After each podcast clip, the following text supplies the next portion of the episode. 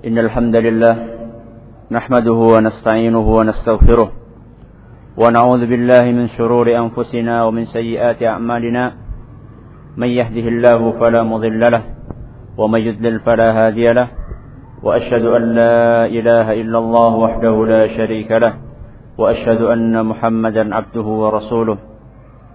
يا أيها الذين آمنوا اتقوا الله حق تقاته ولا تموتن إلا وأنتم مسلمون. يا أيها الناس اتقوا ربكم الذي خلقكم من نفس واحدة وخلق منها زوجها وبث منهما رجالا كثيرا ونساء واتقوا الله الذي تساءلون به والأرحام إن الله كان عليكم رقيبا. يا أيها الذين آمنوا اتقوا الله وقولوا قولا سديدا يصلح لكم أعمالكم ويغفر لكم ذنوبكم ومن يطع الله ورسوله فقد فاز فوزا عظيما. أما بعد فإن أصدق الحديث كتاب الله وخير الهدي هدي محمد صلى الله عليه وسلم وشر الأمور محدثاتها وكل محدثة بدعة وكل بدعة ضلالة وكل ضلالة في النار. أحبتي رحمني الله وإياكم Alhamdulillah pada kesempatan kali ini Allah masih melimpahkan taufik dan kekuatan kepada kita semua sehingga kita bisa menghadiri kajian di masjid yang semoga mendatangkan berkah untuk kita semua. Salam dan salam semoga selalu tersanjungkan ke Nabi kita Muhammad sallallahu alaihi wasallam kepada para pengikutnya yang setia meniti di atas jalannya hingga hari akhir nanti. Sebelumnya kami mohon maaf kepada panitia dan para peserta. Seandainya judul yang diminta tidak sama dengan judul yang akan saya sampaikan pada kesempatan kali ini. Hal itu kembali ke beberapa pertimbangan. Pertimbangan yang pertama adalah ketika saya tanya pesertanya siapa? Peserta daurahnya orang-orang yang sudah ngaji. Yang awam ya insya Allah hanya sangat sedikit lah. Rata-rata sudah pada ngaji. Ini yang pertama. Jadi yang kedua, saya melihat kebutuhan yang begitu besar kepada pemahaman yang benar akan arti persatuan dan arti berpegang teguh kepada manhaj salaf. Nanti akan saya terangkan lebih lanjut.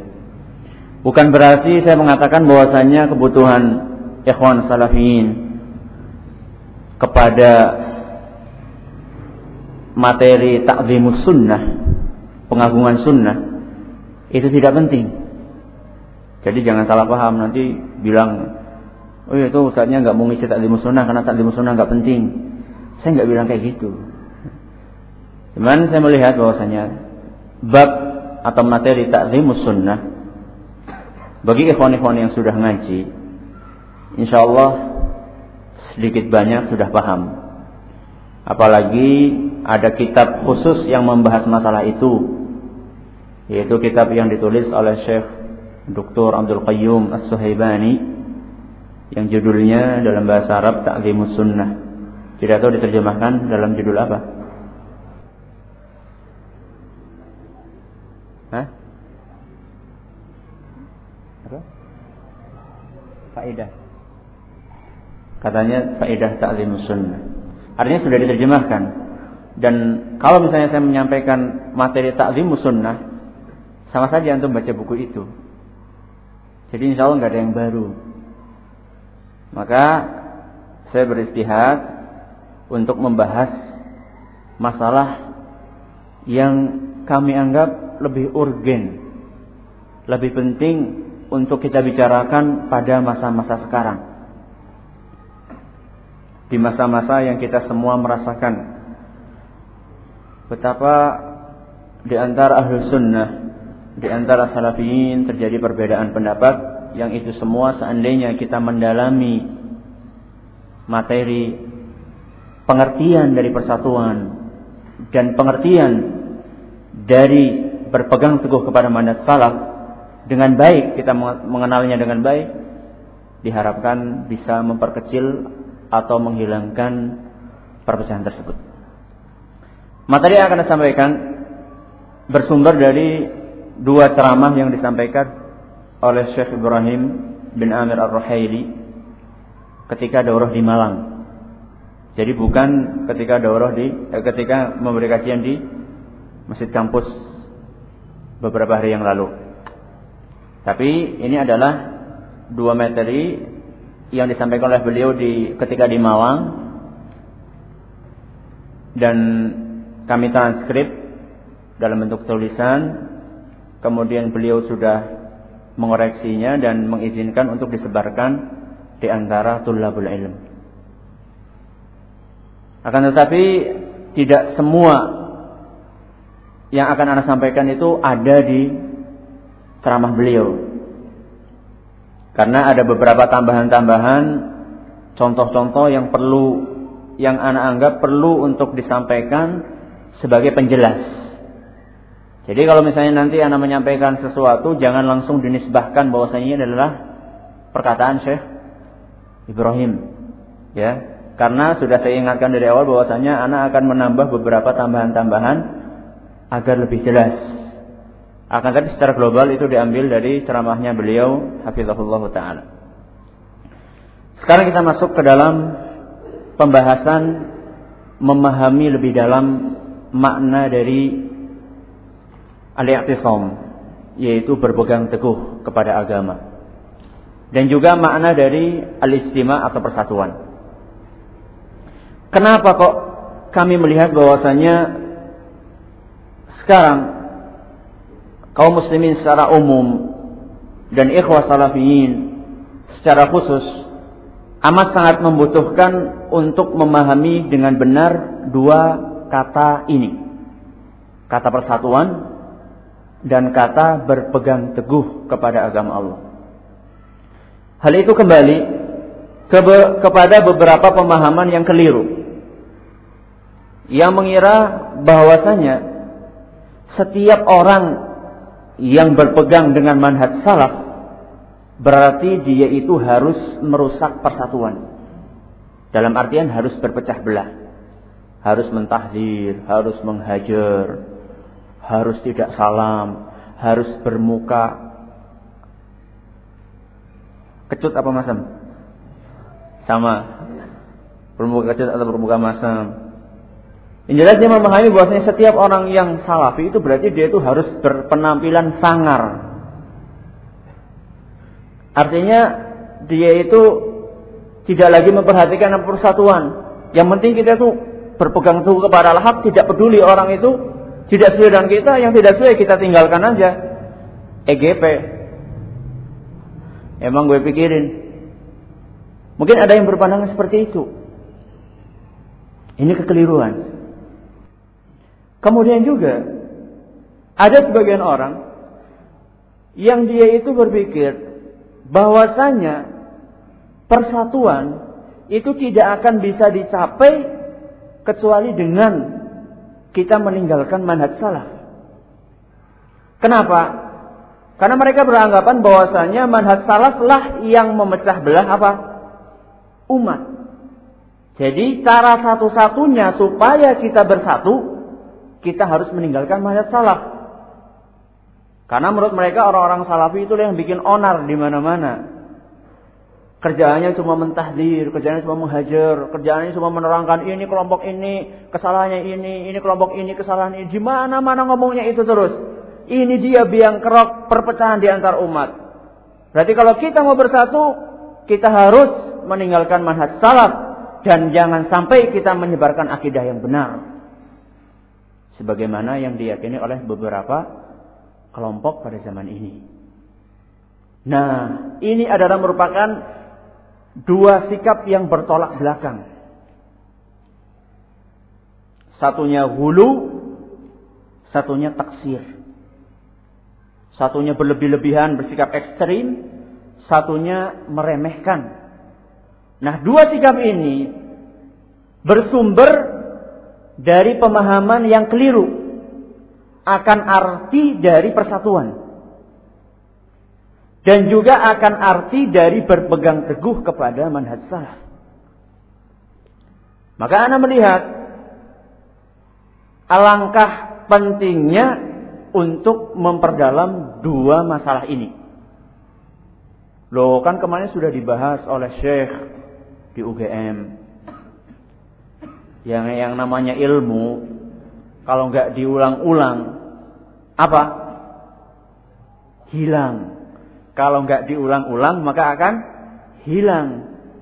Lawang sudah diulang-ulang saja masih hilang apalagi tidak di diulang-ulang. Kemudian juga beliau kemarin berbicara secara global dan perlu kiranya untuk diulangi dan diberikan contoh-contoh yang lebih mendetail supaya bisa lebih dipahami oleh kita semua yang baru belajar.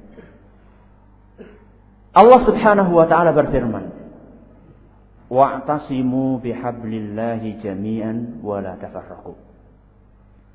Yang artinya dan berpegang teguhlah kalian dengan agama Allah serta jangan berpecah belah. Perhatikan baik-baik ayat ini. Ayat ini terbagi menjadi dua perintah. Bagian pertama adalah perintah wa'tasimu bihablillahi jami'an.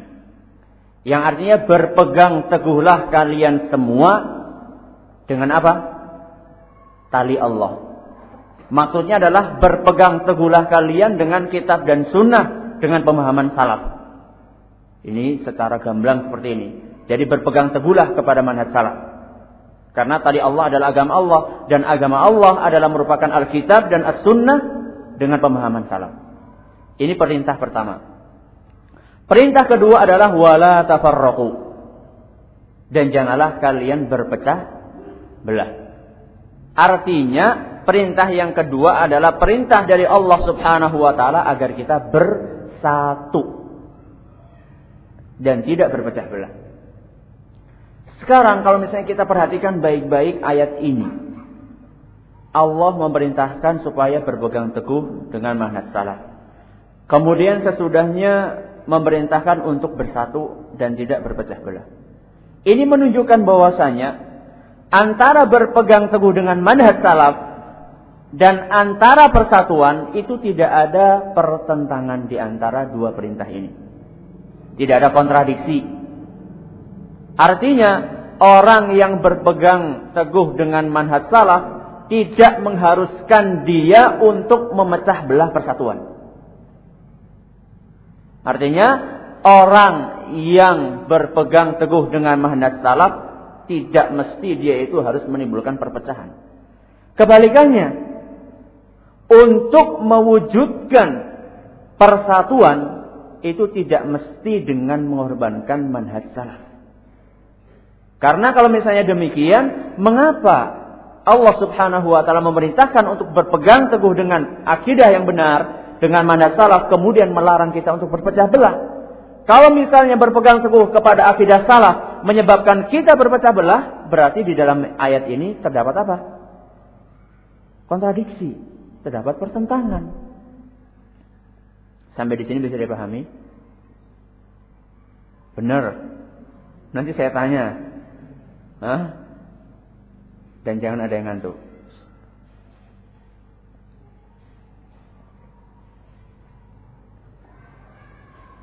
Sekarang setelah kita mengetahui ayat ini, kita akan belajar dan mengenal akan arti dari al-i'tisam, yaitu berpegang teguh kepada manhaj salaf atau kepada agama Allah. Arti dari berpegang teguh dengan agama Allah adalah setiap muslim melakukan perintah Allah dan menjauhi larangannya. Setiap muslim melakukan perintah Allah dan Rasulnya tentunya dan menjauhi larangannya.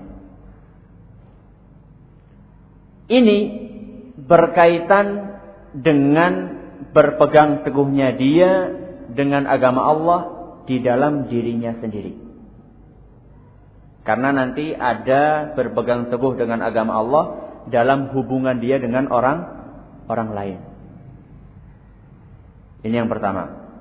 Jadi makna dari berpegang teguh dengan manhaj salaf adalah kita melakukan segala bentuk perintah Allah dan menjauhi larangannya kita kerjakan di dalam diri kita sendiri. Setelah kita mengerjakan dalam diri sendiri, maka kita akan melebar untuk berpegang teguh dengan manhaj salaf di dalam hubungan kita dengan orang orang lain. Dan berpegang teguh dengan agama Allah di dalam hubungan kita dengan orang lain adalah dengan mendakwahkan apa yang sudah kita punyai dari ilmu kepada orang lain. Jadi berpegang teguh kepada agama Allah dibagi menjadi dua. Berpegang teguh kepada agama Allah di dalam diri kita sendiri. Setelah itu kita berpegang teguh dengan agama Allah di dalam hubungan kita dengan orang lain.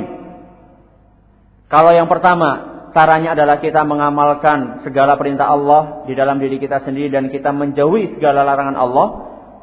Yang kedua adalah kita berusaha untuk mengajarkan apa yang sudah kita miliki dari ilmu yang benar kepada orang lain.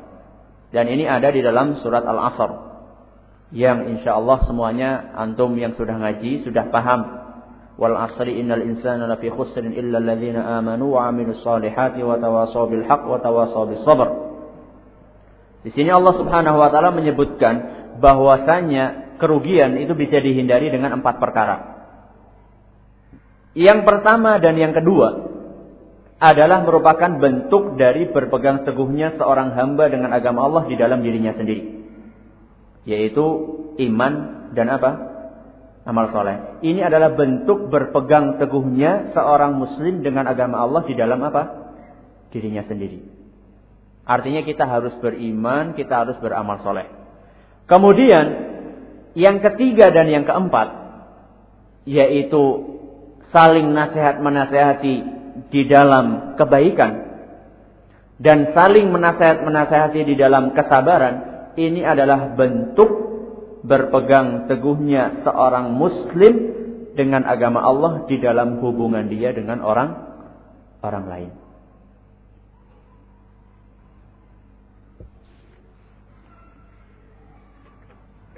Kemudian tatkala seorang muslim sudah berpegang teguh dengan agama Allah di dalam dirinya sendiri, maka dia pun berusaha untuk mendakwahkan apa yang dia ketahui kepada orang lain. Tatkala dia mendakwahkan kebenaran kepada orang lain, dia harus selalu mengingat bahwasanya sudah merupakan sunnatullah tidak setiap orang yang berdakwah pasti akan diterima. Tidak setiap orang yang berdakwah pasti akan di, diterima. Artinya, jangan kok kita berangan-angan bahwasanya setiap kita berdakwah pasti akan disebarkan di depan kita bunga-bunga yang berbau wangi. Jadi kita juga harus siap. Tatkala, tatkala kita mulai dakwah, kita sudah siap bahwasannya yang akan kita hadapi adalah jalan yang terjal. Yang penuh dengan duri. Alias tidak mesti dakwah kita akan di, diterima. Dan merupakan sunnatullah bahwasannya seorang dai terkadang dakwahnya tidak diterima. Bahkan kata Syekhul Islam Ibn Taimiyah rahimahullah, "Ma min rasulin illa waqad kadzabahu ba'du qaumih." Tidak ada seorang rasul pun yang Allah utus kecuali ada sebagian dari kaumnya yang mendustakan dakwah dia. Jadi kata beliau, mas pasti setiap rasul ada saja yang apa? Yang mendustakan dakwahnya alias tidak menerima. Dan ini sudah merupakan sunnatullah. Bahkan dalam satu hadis Rasulullah Shallallahu Alaihi Wasallam bersabda, "Wa ya'tir rasulu wa laysa ma'ahu ahad." Nanti pada hari kiamat akan datang seorang rasul yang sama sekali tidak memiliki apa? Pengikut. Padahal rasul adalah utusan dari Allah Subhanahu wa taala dan Allah Subhanahu wa taala telah memberikan kepada dia mukjizat-mukjizat dan dibantu oleh Allah Subhanahu wa taala, tetap saja masih ada seorang rasul yang datang pada hari kiamat nanti dengan tidak membawa pengikut satu pun juga, alias tidak ada satu pun di antara kaumnya yang menerima dakwah rasul tersebut. Di sinilah letak kita harus memperhatikan. Tatkala dakwah kita tidak diterima, jangan sampai kemudian kita terjerumus kepada kesalahan. Kita sudah berdakwah, berdakwah, berdakwah, ngisi pengajian di sana sini, mengisi kajian di sekolah atau di masjid. Ternyata tidak diterima hati-hati. Tatkala kita berdakwah dan tidak diterima, jangan sampai kita terjerumus kepada salah satu di antara dua kesalahan. Kesalahan yang pertama adalah bersikap keras yang berlebih-lebihan. Karena kita, wah saya sudah capek, sudah dakwah sebulan. Baru dakwah sebulan. Saya sudah capek berdakwah setahun, dua tahun, tiga tahun. Tapi nggak diterima juga. Berarti saya harus bersikap keras. Yang berlebih-lebihan. Berarti dia kalau sudah memang itu orang dasarnya keras kepala. nggak mau menerima al-haq. Memang dia itu mubtadi'. Memang dia ahlul bid'ah. Memang dia ini, memang dia ini akhirnya ditinggalkan orang-orang yang sedang dia dakwahi. Dengan alasan dia tidak mau apa? Menerima. Ini kekeliruan yang pertama. Nanti akan kita bahas tentang norma-norma hajar supaya jangan dipahami bahwasanya kita itu tidak boleh hajar. Tapi hajar adalah disyariatkan cuman dengan norma-norma yang akan kita terangkan nanti. Ini kekeliruan yang pertama. Kesalahan yang kedua yang sebagian orang terjerumus ke dalamnya tatkala dia berdakwah tidak diterima adalah dia berubah menjadi malas alias putus asa. Ah, saya sudah dakwah tapi dia nggak mau menerima, sudah tinggalkan aja. Putus asa, malas, cuek, nggak mau lagi berdakwah. Dan Allah Subhanahu wa taala sudah mengingatkan akan dari dua kesalahan ini. Kesalahan yang pertama, Allah ingatkan di dalam firman-Nya kepada Rasulullah sallallahu alaihi wasallam, "Fasbir kama sabara ulul azmi minar rusul." Yang artinya bersabarlah kalian sebagaimana bersabarnya para rasul yang termasuk dalam golongan ulul azm. Jadi Rasulullah SAW diperintahkan untuk bersabar. Seperti sabarnya ulul azm. Yaitu para rasul yang mereka itu dijuluki oleh Allah Subhanahu wa taala dengan ulul azm, yaitu orang-orang yang ber memiliki sikap yang tegar, memiliki sikap yang teguh di dalam berdakwah. Dan Rasulullah SAW adalah merupakan Rasul yang paling teguh di dalam dakwahnya. Di antara ulul azm yang ada. Rasulullah SAW diperintahkan untuk bersabar seperti sabarnya ulul azm. Artinya apa? Artinya tatkala kita berdakwah dan tidak diterima, kita harus bersabar dan terus berdakwah, terus berdakwah Jangan kemudian kita berubah menjadi bersikap keras yang berlebih-lebihan kepada para mad'u kita. Adapun kekeliruan yang kedua sudah diingatkan oleh Allah Subhanahu wa taala tatkala Rasulullah sallallahu alaihi wasallam merasa bersedih di saat pamannya Abu Talib tidak meninggal dalam keadaan apa? Islam. Alias Abu Talib itu meninggal dalam keadaan apa? Dalam keadaan kafir. Rasulullah pun sedih dan terasa berat karena Abu Talib adalah merupakan salah satu orang yang paling dekat dengan siapa? Dengan Rasulullah SAW. Dialah yang melindungi Rasulullah SAW ketika berdakwah dan dialah yang melindungi Rasulullah SAW dari gangguan orang-orang kafir Quraisy.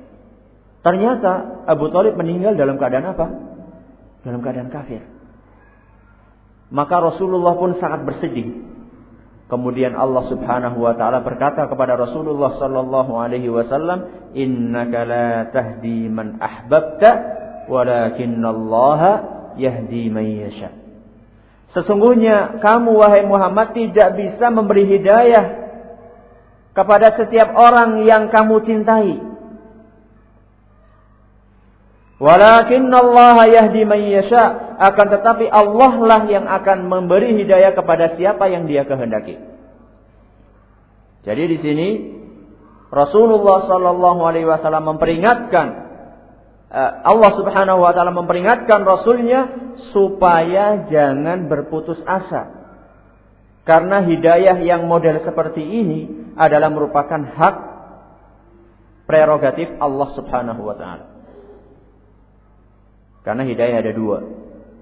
Di hidayah yang model ini adalah merupakan hidayah yang hanya Allah Subhanahu wa taala yang memilikinya. Adapun hidayah kita memberikan, mengajarkan, itu kita bisa. Tapi kalau sudah bicara masalah hati apakah ini akan mendapatkan petunjuk atau tidak, ini adalah merupakan hak prerogatif Allah Subhanahu wa taala. Jadi, tatkala kita berdakwah kepada agama Allah, sejak awal jalan kita berjalan mulai dakwah, jangan sampai kita meniti jalan yang salah dan berdakwah kepada Allah ada dua metode dalam menyikapi orang yang bersalah.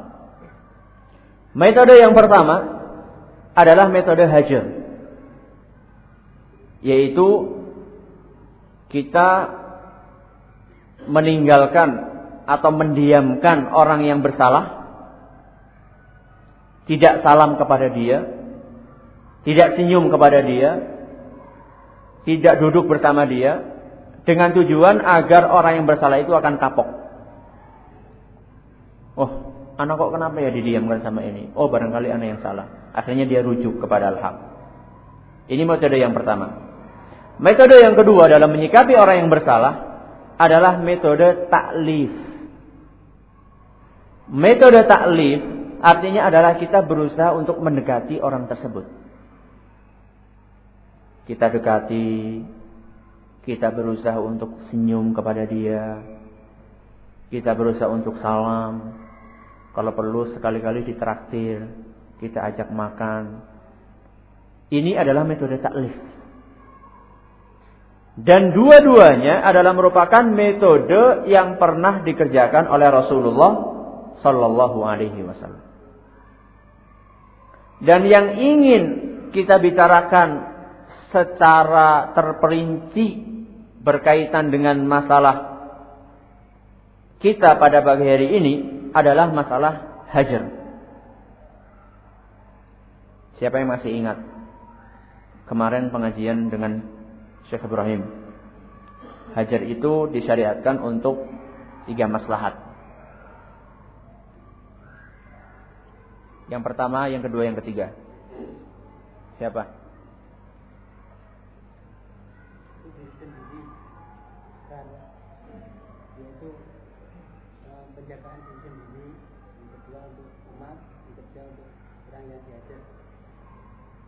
Bagus. Jadi hajar itu ini semuanya hadir gak sih kemarin? Hah? Ada dua kemungkinan. Tidak hadir atau hadir tapi ngantuk? Antum tinggal pilih. Ahlahumamur istilahnya. Yang paling manis di antara dua hal ini adalah pahit. Jadi terserah kalian memilih yang mana. Ya insya Allah semuanya hadir dan mendengarkan. Cuman yang berani cuma satu orang ngacung. Yang lainnya masih malu-malu. Hajar. Secara global. Disyariatkan untuk tiga maslahat. Yang pertama adalah untuk maslahat orang yang menghajar. Yang kedua adalah untuk maslahat umat. Yang model ketiga adalah untuk maslahat orang yang dihajar.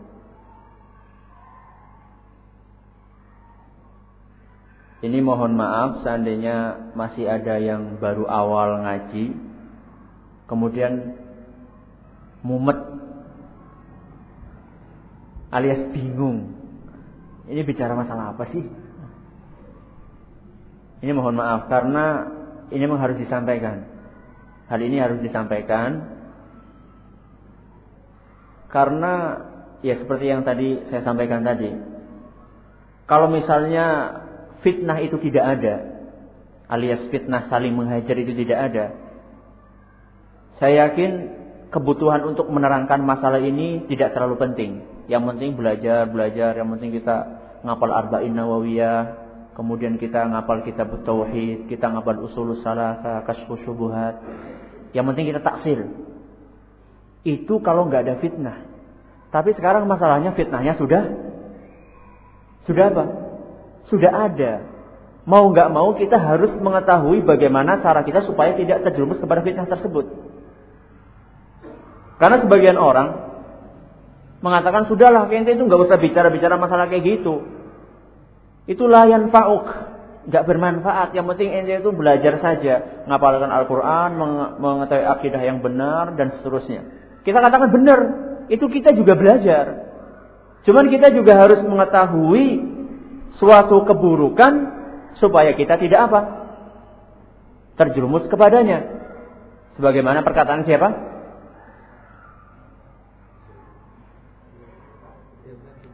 Hudzaifah ibnu Yaman. Kana an-nasu yas'aluna Rasulullah sallallahu alaihi wasallam 'anil khair. Wa kuntu as'aluhu 'anil syarr makhafata an yudrikani. Kata Hudzaifah, para sahabat sebagian besar atau rata-rata dari mereka tatkala tanya kepada Rasulullah sallallahu alaihi wasallam mereka bertanya tentang kebaikan. Alias apa sih yang harus kita kerjakan? Apa sih ibadahnya ini? Bagaimana caranya? Bagaimana cara sholat? Bagaimana? Ya rata-rata mereka bertanya tentang kepada Rasulullah tentang kebaikan. Tapi Hudzaifah tidak. Wa kuntu as'aluhu anisyar dan aku bertanya kepada Rasulullah sallallahu alaihi wasallam tentang keburukan kenapa makhafata an yudrikani karena saya takut aku akan terjerumus kepada keburukan tersebut. Sebagaimana perkataan seorang penyair, "Araftu syarra la lisyarr wa inna ma araftuhu litawaqih." Atau kama qala dzalika syair. Saya mengetahui kebaikan bukan untuk zat eh, saya mengetahui keburukan bukan untuk zat keburukan itu, tapi saya mengetahui keburukan supaya saya tidak terjerumus kepada keburukan tersebut. Jadi tatkala kita mengetahui bahwasanya zina itu haram, bukan berarti kita itu belajar supaya kita bisa berzina. Tapi kita mengetahui bahwa ini buruk untuk di apa? Untuk dihindari, untuk ditinggalkan. Tatkala kita mempelajari di dalam Al-Quran tentang hal-hal yang diharamkan oleh Allah Subhanahu wa taala mulai dari daging babi, kemudian dari khamr dan seterusnya. Itu bukan berarti kita belajar supaya kita melakukannya tidak, tapi kita belajar supaya kita tidak terjerumus kepada perbuatan-perbuatan tersebut karena kita sudah tahu bahwasanya perbuatan itu adalah perbuatan yang dilarang oleh agama Allah Subhanahu wa taala. Demikian pula tatkala kita belajar masalah hajar dan norma-norma yang berkaitan dengannya, tujuan kita adalah supaya kita tidak keliru dalam menerapkan masalah hajar. Supaya kita tidak membabi buta di dalam menerapkan hajar dan supaya kita tidak mengingkari bahwasanya hajar itu disyariatkan di dalam agama Islam. Hajar diperintahkan di dalam agama Islam. Nabi Shallallahu Alaihi Wasallam pernah mengamalkan amalan ini. Tapi hajar itu dipenuhi dengan norma-norma yang mana tidak bisa diterapkan sedemikian saja seenake afwan Terserah dia, setiap orang yang salah hajar, setiap orang salah hajar, yang tidak menghajar ikut dihajar. Tidak seperti itu. Hajar itu ada norma-normanya. Nah inilah yang akan kita pelajari supaya kita tidak terjerumus kepada kesalahan. Mafhum? Hah? Insya Allah. Kemudian secara global juga. Jadi ini saya bicara secara global dulu, nanti baru saya masuk ke dalam perincian. Tadi hajar pertama untuk masalah siapa? Yang menghajar. Kedua untuk masalah siapa? Umat. Yang ketiga untuk masalah yang dihajar. Berkaitan dengan yang ketiga. Atau maslahat siapa? Yang dihajar. Di dalamnya terdapat norma-norma yang harus kita ketahui.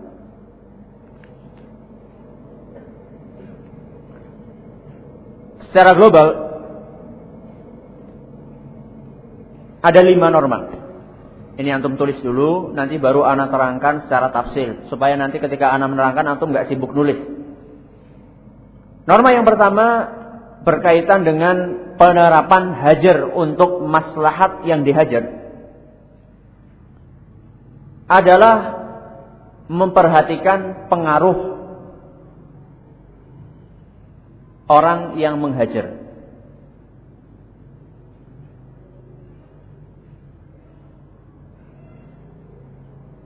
Memperhatikan pengaruh orang yang dihajar. Sudah? Norma yang kedua, melihat keadaan orang yang dihajar.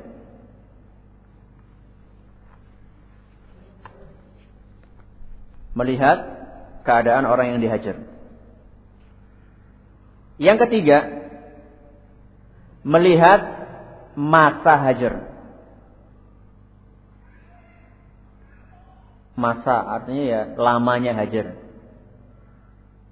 Melihat masa hajar atau lamanya hajar. Yang keempat, melihat keadaan masyarakat melihat keadaan masyarakat.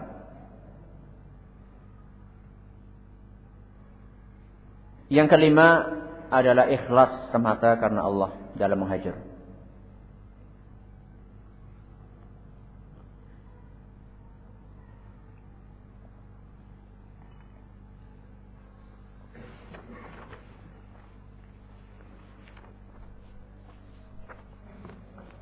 Perlu diketahui bahwasanya saya nggak punya makalah.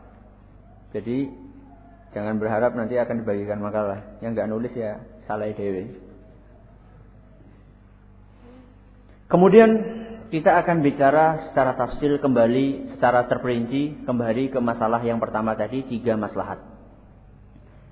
Kita tatkala bicara masalah hajar dan tadi maslahat mas, tiga maslahat ini, itu kita tuh berbicara bukan dengan akal, dalam artian ya istihad kita saja. Tapi ini semua adalah ada dalilnya. Jadi yang berkaitan dengan pertama maslahat orang yang menghajar, maslahat umat, kemudian maslahat orang yang dihajar, ini semua adalah ada dalilnya. Jadi jangan dikira ini dari kantong saya. Tapi ini ada dalilnya dari perbuatan Nabi Shallallahu Alaihi Wasallam. berkaitan dengan masalah hajar untuk maslahat orang yang menghajar. Dalilnya adalah sabda Nabi Shallallahu Alaihi Wasallam, "Masalul jalisi su, masalul jalisi salih, wa masalu al jalisi su, kahamilil misk, wa nafikhil kir." Yang artinya perumpamaan teman duduk yang baik dan teman duduk yang buruk itu seperti orang penjual minyak wangi dan seperti pandai besi. Apa maksudnya? Sampai di sini ada yang paham nggak? Nanti dulu, ini kira-kira pemahamannya bagaimana? Supaya anak juga ingin tahu dari antum. Anak tanya ini supaya nggak ngantuk gitu loh. Nah, apa maksudnya ini? Dari sabda Nabi SAW. Fadol, siapa yang bisa?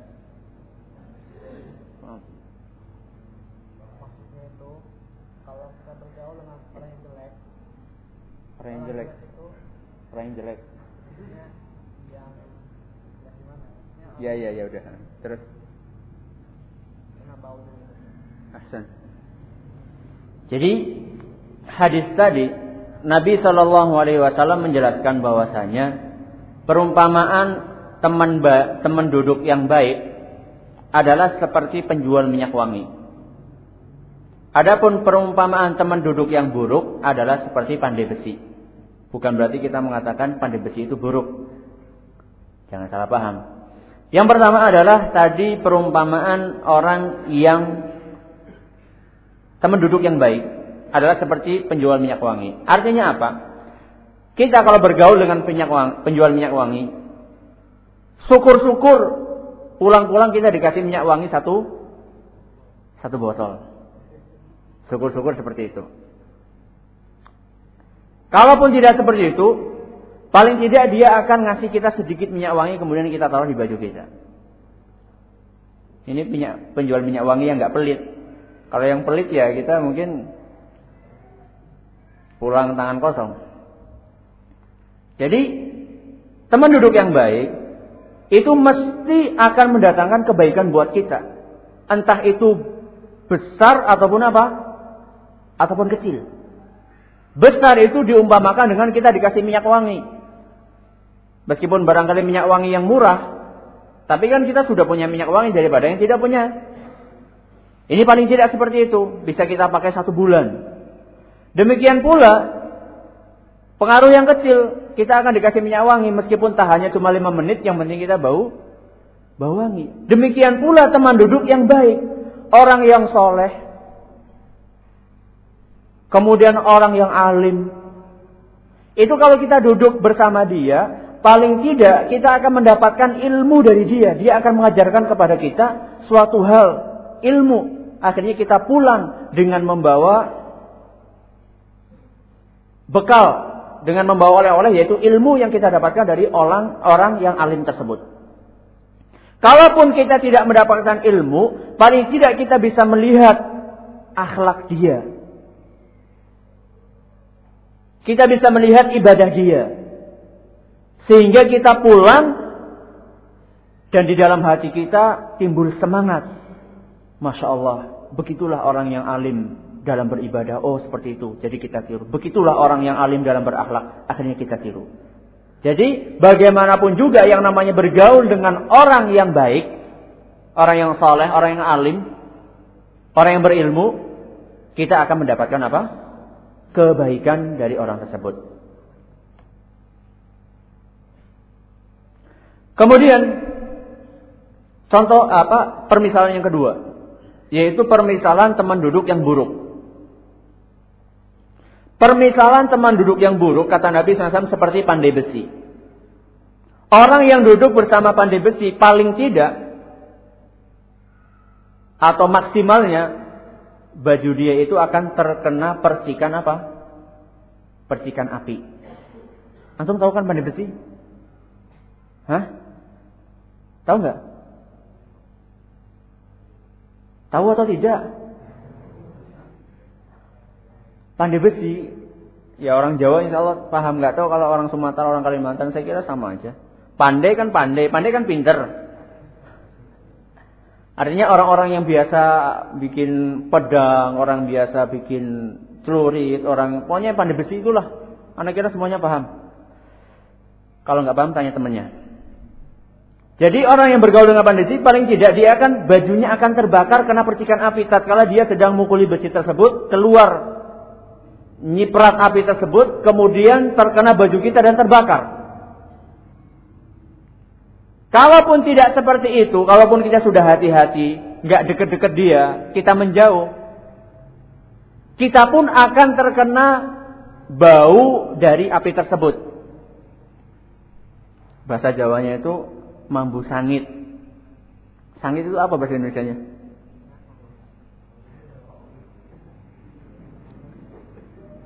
Bukan bau hangus. Bau asap Paling tidak kita dapat bau asapnya keluar dari pandai besi, baju kita baunya nggak enak, meskipun nggak terbakar. Itulah perumpamaan yang Nabi Shallallahu Alaihi Wasallam gambarkan kepada umatnya, bahwasanya tatkala kita bergaul dengan orang yang tidak baik, bahwasanya seandainya kita bergaul dengan ahlul bid'ah,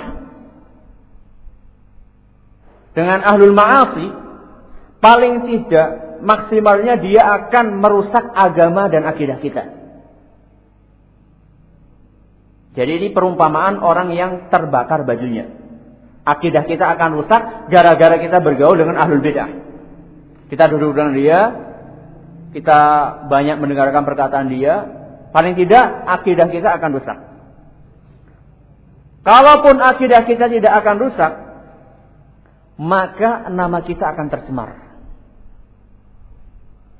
Barangkali oh anak enggak akidah anak enggak rusak alhamdulillah. Alhamdulillah anak masih tetap salafi. Setelah anak bergaul dengan fulan tapi paling tidak dia akan mendapatkan pengaruh negatif berupa namanya tercemar. Bagaimana tercemarnya? Tercemar terkenal bahwasanya fulan itu adalah duduk-duduk bersama ahlul bid'ah. Fulan bahkan mungkin tidak hanya dikatakan seperti bahkan barangkali dia dituduh oleh orang lain bahwasanya dia adalah sudah mubtadi'.